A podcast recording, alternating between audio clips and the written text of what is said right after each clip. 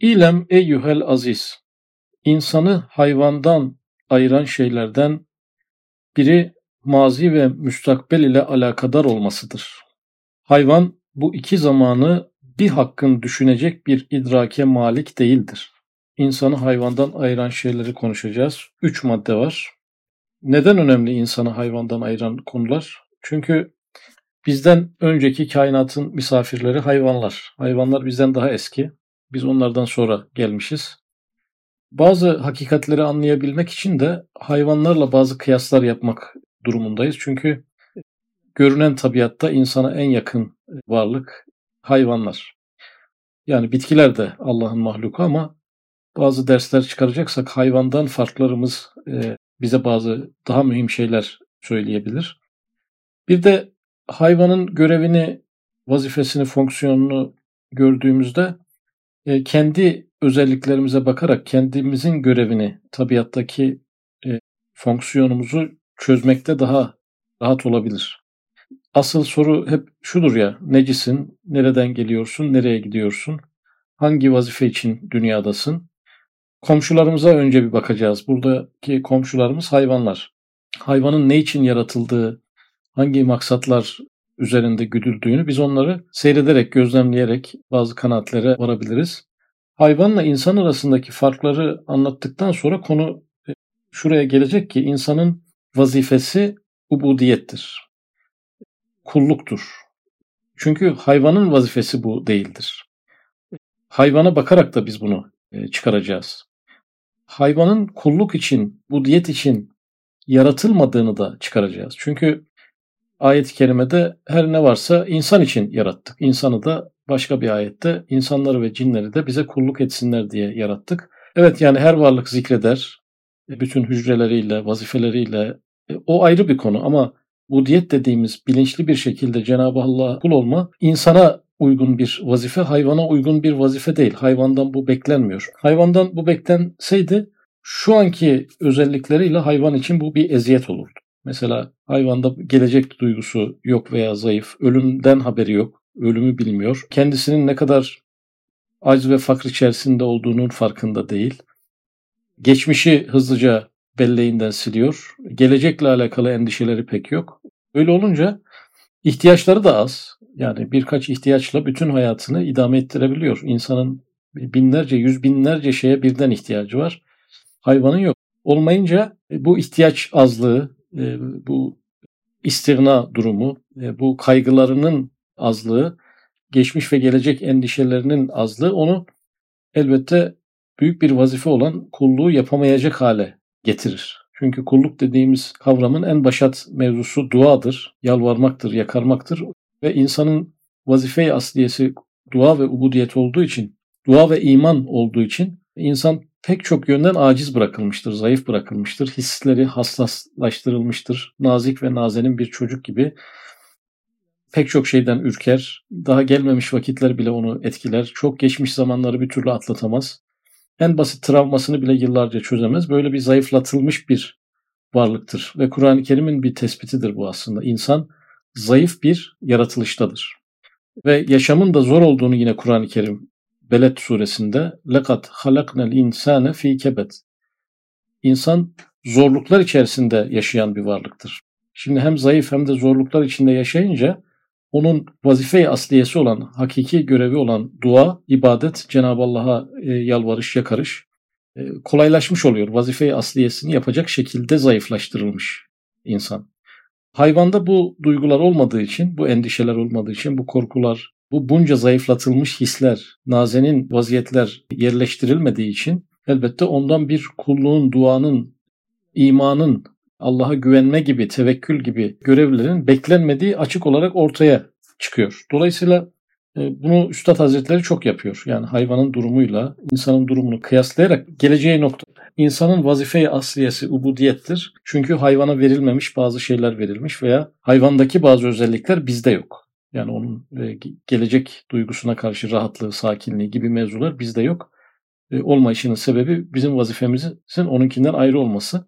Bir başka yerde mesela hayvanların doğar doğmaz hemen hemen çok kısa bir süre içerisinde ayağa kalkmaları, vazifesini hızlıca yapmaya başlamaları, bir sinek yumurtadan çıkar çıkmaz hemen işinin başına geçmesi ama insanın yürüyebilmesi için birkaç yılın geçmesi, doğruyu yanlıştan ayırt etmesi için bir 10 yıl falan geçmesi gibi e, pek çok e, hazin durumu var insanın hayvanlara göre. Demek ki hayvan tekemmül etmek için gelmemiş. Tekemmülü halledilerek dünyaya bırakılıyor.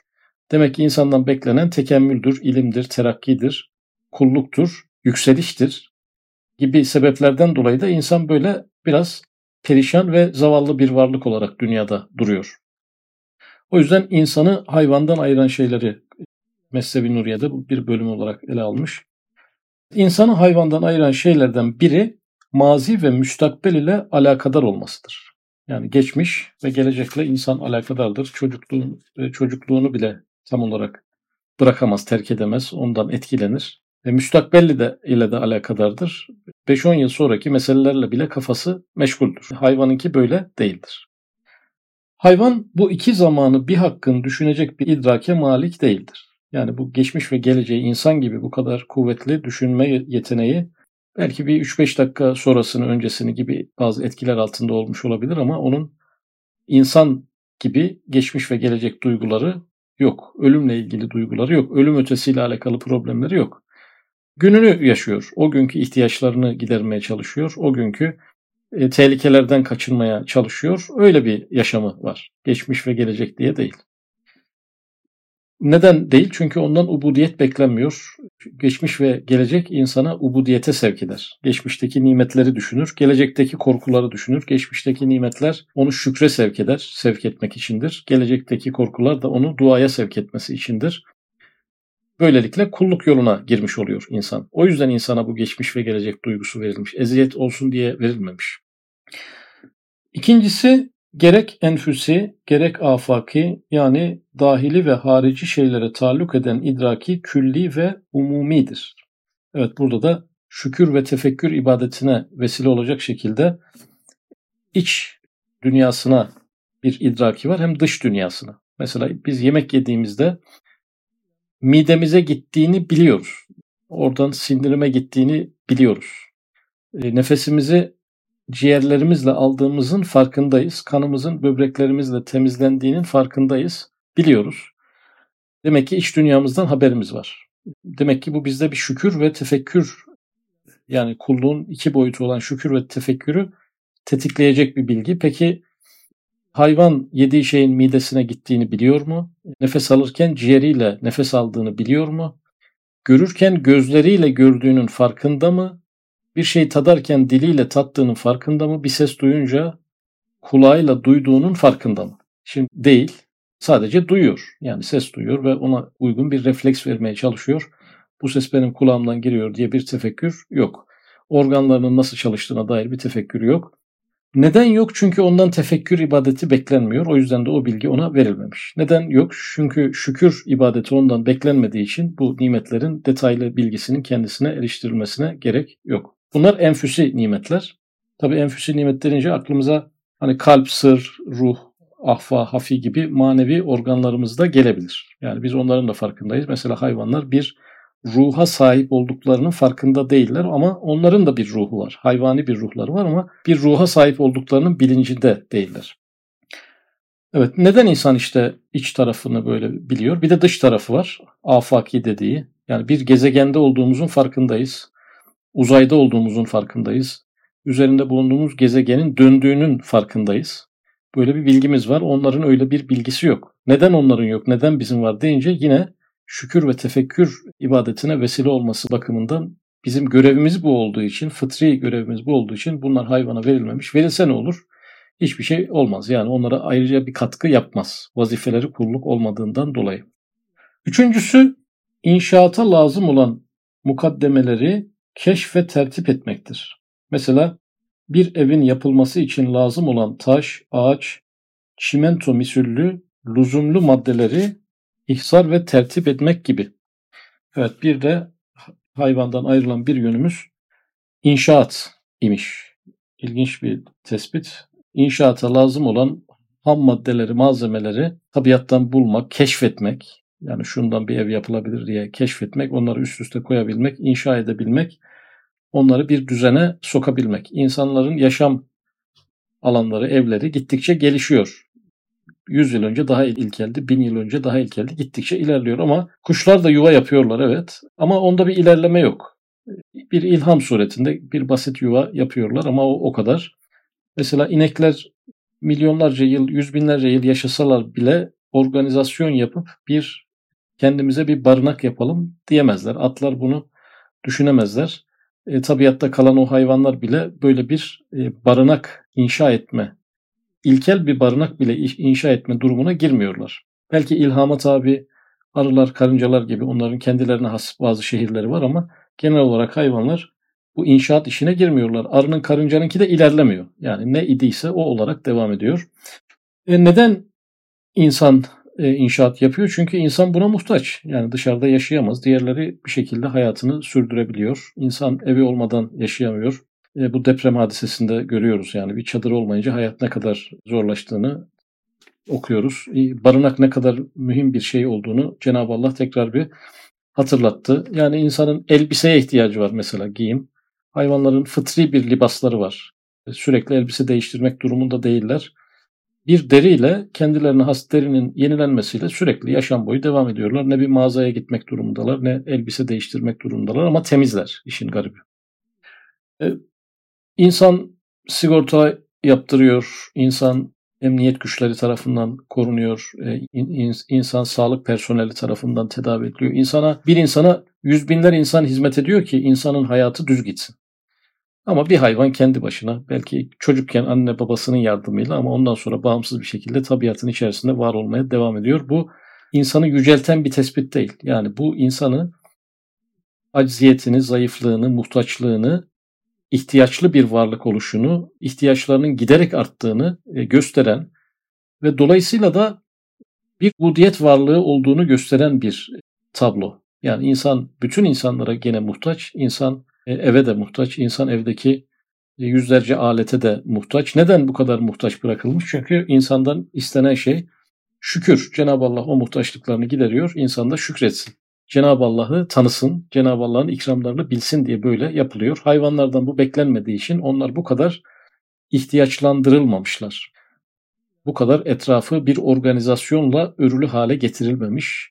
Kendi başlarına yaşamı e, götürebilecekleri şekilde programlanmış insandan beklenen başka insanlarla dayanışma yapsın, onlarla iletişime geçsin, onlarla irtibatta olsun, onlarla imtihan olsun diye insanı Allah başka insanlara da muhtaç etmiş ki o imtihan sonucunda yine incinecek, kırılacak, daralacak ve Allah'a dua edecek. Hani vazifesi asliyesi dua olduğu için insan sürekli duaya vesile olan problemlere sevk ediliyor. Sıkıntılara gark ediliyor ki dönüp dua edebilsin, acziyetini anlasın şeklinde hayvandan ayıran bir de Böyle bir yönü var. Şimdi bu üç tane yönün yani geçmiş ve gelecek duygusunun e, fusi ve afaki tefekkürün bir de inşaat yapabilmenin hayvanlardan ayrılan bu taraflarını saydıktan sonra bunu bir şeye bağlayacak şimdi. İnşaata lazım olan mukaddemeleri keşf ve tertip etmektir. Mesela bir evin yapılması için lazım olan taş, ağaç, çimento misüllü, lüzumlu mukaddimeleri ihsar ve tertip etmek gibi. İnsan böyle yapıyor. Evet.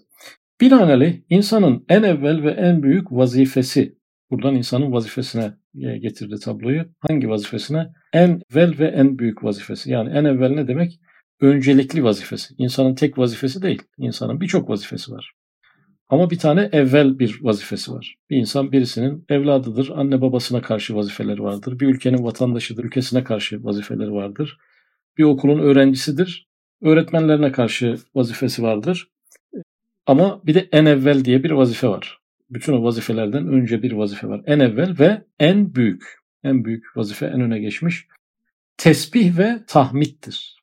İnsanın vazifesi geldi. Tesbih ve tahmittir. Tahmit Cenab-ı Allah'ı yüceltme, övme manasında.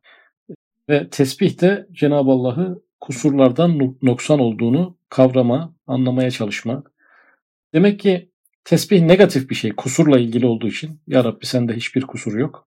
Tesbih negatiften takdis etmektir. Tahmid de pozitifi ifade etmektir. Ya Rabbi sen şöyle yücesin. Dolayısıyla kusurlardan münezzeh ve bütün mükemmelliklerin sahibi olarak ilan etmek için tesbih ve tahmid insanın vazifesi, ana vazifesi, en evvel vazifesi. Hani çok meşhur bir Zikir bunu birleştiriyor. Subhanallahi ve bihamdihi subhanallahil azim. Şimdi hem subhanallah diyoruz hem bihamdihi diyoruz. Hamd ve tesbih burada e, birleşmiş oluyor insanın iki tane büyük vazifesi. Evvela mazi, hal ve istikbal zamanlarında görmüş veya görecek nimetler lisanıyla, sonra nefsinde ve haricinde görmekte olduğu inamlar lisanıyla, sonra mahlukatın yapmakta oldukları tesbihatı şehadet ve müşahede lisanıyla sani'i hamdü sena etmektedir. Hamdü sena etmektir. Şimdi aslında yukarıdaki üç maddeyle üç tane vazifeyi ifade etti. Birincisi mazi hal ve istikbal zamanlarında görmüş veya görecek nimetler lisanıyla hamdü sena. Yani insanda geçmiş, şimdi ve gelecek duygusu var, hayvanda yok. Neden yoktu? Çünkü insan mazi, hal ve istikbal zamanında nimetler görüyor. O nimetlerin hamdü senasını yapması için. Mesela biz niye geçmiş duygumuz kuvvetli? Geçmişteki nimetleri unutmayalım diye. Unutmazsak ne oluyor? Hamd olmuş oluyor. Geçmişe geçmişe dair şimdi mesela şu anda aldığımız nimetler de çoktur ama şu dakikaya kadar aldığımız nimetler çok büyüktür. Onları eğer geçmiş duygumuz zayıf olsaydı onları hatırlayamayacaktık. Onların hamdini de yerine getiremeyecektik. Peki gelecek konusu, gelecekte de bizi bekleyen nimetler var. Yani ölüm var, ölüm ötesi var, ebedi hayat var, cennet var. Şimdi onların da hamdi gerekir. Eğer gelecek duygusu insanda olmasaydı e, bu hamde, hamdü senaya vesile olamazdı. Demek ki bu yüzden verilmiş. Hamdü senaya vesile olsun diye insana geçmiş ve gelecek duyguları verilmiş. Biz ne yapıyoruz o geçmiş ve gelecek duygularını? Maalesef geçmişteki binlerce binlerce nimetin içinden ona rağmen bir iki tane bir hikmete binaen imtihan olsun diye yaşatılan acıyı sürekli aklımızda tutarak hamdin tam zıttına doğru kayıyoruz. Gelecekte bizi bekleyen sayısız sonsuz nimetler dururken olasılık dahilindeki bazı vehmi endişelere takılıyoruz. Gelecek duygusunu da orada zayi ediyoruz. Birinci maddeyi bağladı. İkincisi sonra nefsinde ve haricinde görmekte olduğu inamlar lisanıyla. Yani kendi iç duyuları ve organları ve dışındaki kainatı incelemek lisanıyla tefekkür etsin, şükretsin diye içerisini ve dışarısını inceleme, araştırma, keşfetme yeteneği insana bu yüzden verilmiş. Yani uzaya e, koloniler kuralım, yeni gezegenler keşfedip oralarda yaşayalım diye uzay bilgisini bize açmış değil. Belki o da mümkün ama asıl açma sebebi Cenab-ı Allah'a olan hayranlığımızı, e, hamdü senamızı arttırmak. Övgümüzü ortaya koyabilmek. Asıl bundan dolayı bu keşfe izin verilmiş. Bu da ikinci maddeye denk geliyordu. Sonra mahlukatın yapmakta oldukları tesbihatı şehadet ve müşahade lisanıyla sani hamdü sena. Şimdi inşaat mevzusu vardı. Ee, burada da diğer mahlukatın tesbihat ve şehadetini de nakletmemiz lazım. Yani biz bu diyet varlığıysak sadece kendi ibadetlerimizi aktarmıyoruz. E, kainatın ibadetlerini de aktarıyoruz. Onların ibadetlerini aktarabilmemiz için onların yapmakta olduğu vazifeleri yani onların tesbihatlarını da keşfetmemiz lazım. Şimdi evi yaparken çimento dedi, taş dedi, ağaç dedi.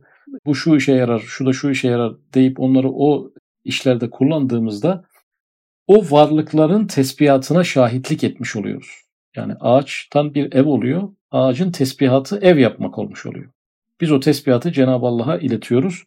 İnsan o yüzden tabiatın her tarafındaki madenleri, yeraltı, yerüstü zenginlikleri, tabiattaki bütün kaynakları organize edebiliyor. Sebep onların tesbihlerine şahitlik edebilmek. Edince ne olacak? Onların tesbihlerini kendi tesbihiymiş gibi Cenab-ı Allah'a nakletmek e, için ona diğer varlıkların tesbihleri gösterilmiş oluyor böylelikle. Hayvana gösterilmiyor. Hayvan tabiatın altında ne var, yerin altında ne var, hangi yeraltı zenginlikleri var, linyit mi çıkıyor, kömür mü çıkıyor, elmas mı çıkıyor çok ilgilenmiyor onunla.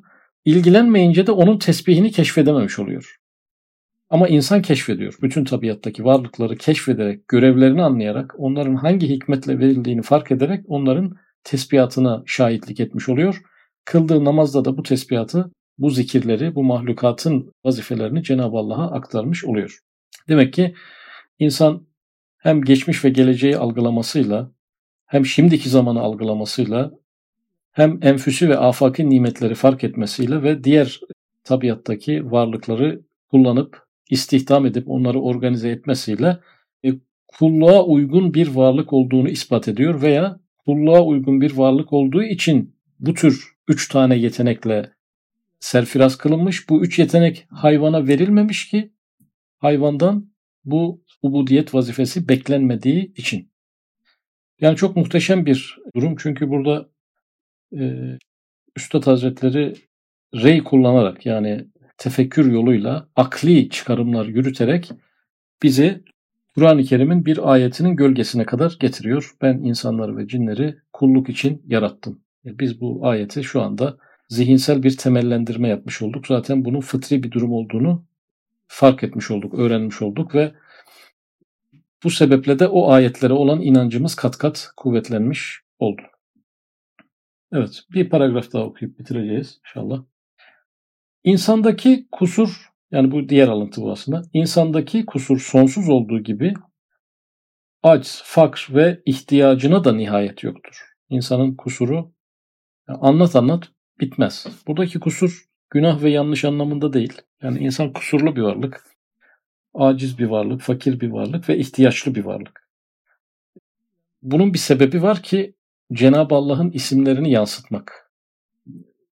Cenab-ı Allah'ın e, bu kamil isimleri onda görünsün diye tam zıttıyla bir ayna olmuş. Nasıl siyah bir e, tahtada beyaz yazı iyi görünürse e, Cenab-ı Allah'ın isimleri daha iyi parıldasın, daha iyi ortaya çıksın, daha mükemmel belirginleşsin manasında insan bir aynadır. Bu aynada Cenab-ı Allah'ın vasıflarının kimilerinin tam zıttına sahiptir. Cenab-ı Allah'ta hiç kusur olmadığı için insan sonsuz kusurlu bir varlıktır. Ama bu kusurdan maksadımız günah değil. Evet günah bir kusurdur ama günah işlemeyen de insan kusurlu insandır. Yani günah işlemeyen insanın da kusuru sonsuzdur.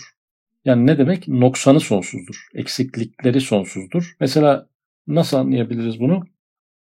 Yorulmak insanın bir kusurudur. Yani yorulan bir varlık olması onun noksan bir varlık olduğunu gösterir. Yorulmayabilir miydik? Yorulmayabilirdik. Çünkü Cenab-ı Allah yorulmuyor mesela. Biz yoruluyoruz. Biz yorularak Cenab-ı Allah'ın yorulmayışına aynedarlık ediyoruz. Yorulan bir varlık olduğumuz için biz aciz ve noksan bir varlık durumundayız. Hem de nasıl yoruluyoruz?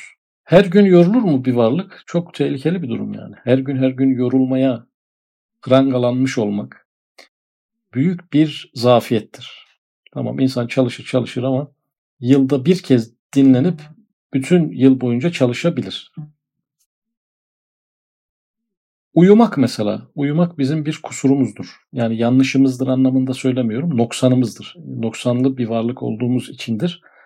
Mesela bir kere uyuyup 3 yıl 5 yıl uykuya ihtiyacımız olmayacak şekilde Cenab-ı Allah bizi planlayabilirdi. Veya ömür boyu bir kere uy- uyuyunca bir ömür boyu yeterdi. Mesela böyle planlayabilirdi. İbadetler gibi. Evet beş vakit namaz kılıyoruz ama ömürde bir kere hac yapsak yetiyor. E, namaz ama sürekli var. ihtiyaçtan dolayı, manevi ihtiyacın tekrarından dolayı. E, uyuma da böyle olabilirdi. Yani Allah'ın kudreti sonsuz. Ömür boyu bir kere uyumak yetebilirdi veya uyuma hiç gerekmeye de bilirdi. Nerede uyuma yok? Mesela cennette uyku yok. Çünkü yorgunluk yok. Yorgunluk da yok, uyku da yok. Sürekli her gece her gün bir daha uyumaya mecbur bırakılmış bir varlık ne kadar hazin bir varlık yani ne kadar noksan. Noksanlığının bir tarafı da bu. Mesela acıkmak yani bir kere yemeyle ömür boyu acıkmaya da bilirdik. Velakin bazı böcek türleri var. Bir kere gıda alıyor. Mesela 6 ay hiçbir şey yemiyor. Demek ki daha uzununu da Cenab-ı Allah yapabilir ama bizi bir daha bir daha acıktırıyor. Sürekli yemek yemek e, durumunda kalıyoruz. Mesela unutmak. Cenab-ı Allah unutmayışıyla mesela yer yer övünüyor yani. Ayetel Kürsi'de ifade edildiği gibi. Onu uyku tutmamasıyla da. E, demek ki bunlar aslında işin normalinde bunlar var yani. İnsan kasten uyumaya ve unutmaya mecbur bırakılmış bir varlık. İnsan unutuyor, hatırlayamıyor. Bu da onun bir zayıf tarafı. Hastalanıyor mesela. Hastalanmayabilirlerdi. Cennette hastalanma yok. Cennette unutma yok. Mesela irademizin cüz'i olması. Bir şey irade ederken başka bir şey irade edemiyor olmamız. Mekana ve zamana bağlı yaşamak zorunda kalmış olmamız. Bunların hepsi insanın zayıf noktaları. Evet. İnsana tevdi edilen açlık ve nimetlerin lezzetleri tebarüz ettiği gibi insandaki kusur, kemalat-ı subhaniye derecelerine bir mirsattır. İnsandaki fakir, gınay rahmetin derecelerine bir mikyastır. İnsandaki aç, kudret ve kibriyasına bir mizandır. İnsandaki tenevvü hacat, enva-ı niyam ve ihsanatına bir merdivendir. Öyleyse diye bağlı, bağlıyor. Yani insanın kusurlarını saydı.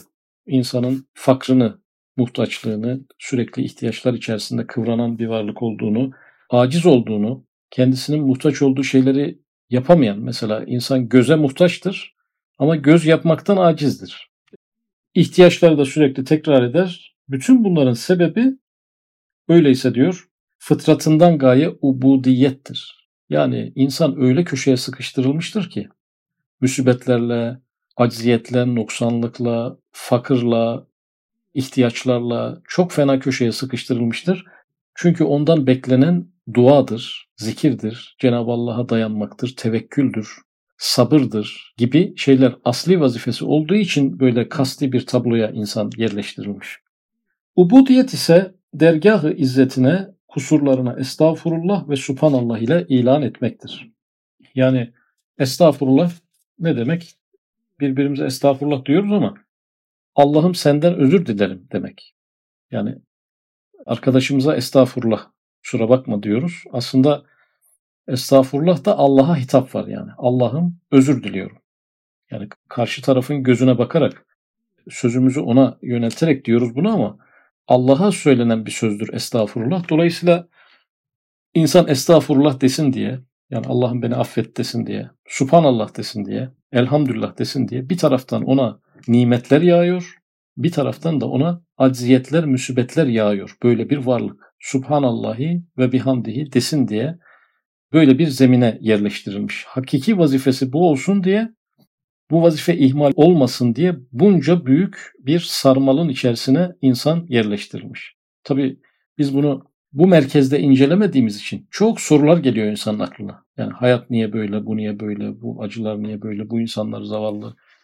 Yani bu deprem felaketlerinden sonra insanın aklına bir çok şey geliyor. Aslında e, hayatın normaline onlar ulaşmış oluyorlar. Yani kainatın yaratılma gayesine ermiş oluyorlar. E, ve bir eli duada yani bir insan bir eliyle başka bir iş yaparken bile yemek yaparken bir yazı yazarken öbür elinin şöyle havada dua halinde olması gereken bir varlık. Böyle bekleniyor, böyle yaratılmış ve böyle yaşayan bir insan olmuş. Hazreti Peygamber aleyhisselam yani benzetmek gibi yani benzetme anlamında söylüyorum adeta eli havada gezmiş yani. İnsan böyle bir varlık. Bunu ister kabullenelim ister kabullenmeyelim.